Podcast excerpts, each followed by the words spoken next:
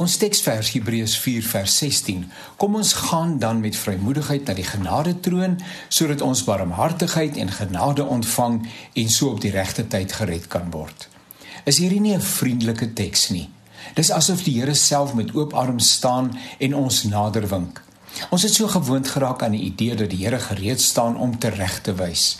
Ek wonderstellig hoeveel daarvan te maak het met die wyse waarop ons ons aardse vaders beleef het. My pa was nogal kwaai en ek het geweet waar ek moet hom staan.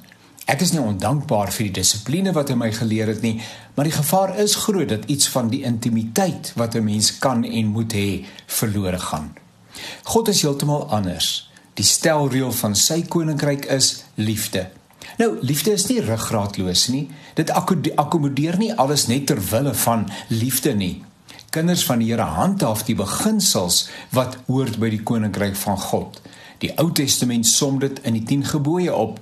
In die Nuwe Testament is daar verskeie opgawes wat die wyse waarop burgers van God se ryk optree uitspel. Dink maar aan Galasiërs 5 waar die vrug van die natuurlike mens teenoor die van die geestelike mens uitgespel word. Te midde van dit alles is God se uitnodiging steeds vriendelik en hartlik. Ons kan met vrymoedigheid na hom toe kom omdat ons in die naam van sy seun na hom toe gaan. By hom, ons Vader, is daar genade en barmhartigheid. Sy troon is 'n genade troon. Nou genade is onverdiend. God deel dit oorvloedig uit aan elkeen wat daarna vra. Sy hart, so sê die teks, is sag en toeganklik.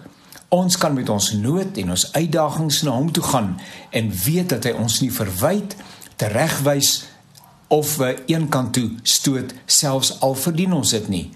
By God staar altyd 'n nuwe begin. Hy sien nie ons mislukkings raak nie, maar ons moontlikhede.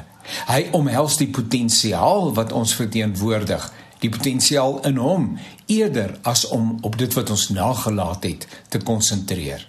So het jy vandag genade en 'n sagte hart nodig. Die hemel deur staan oop, staan oop vir jou en vir my.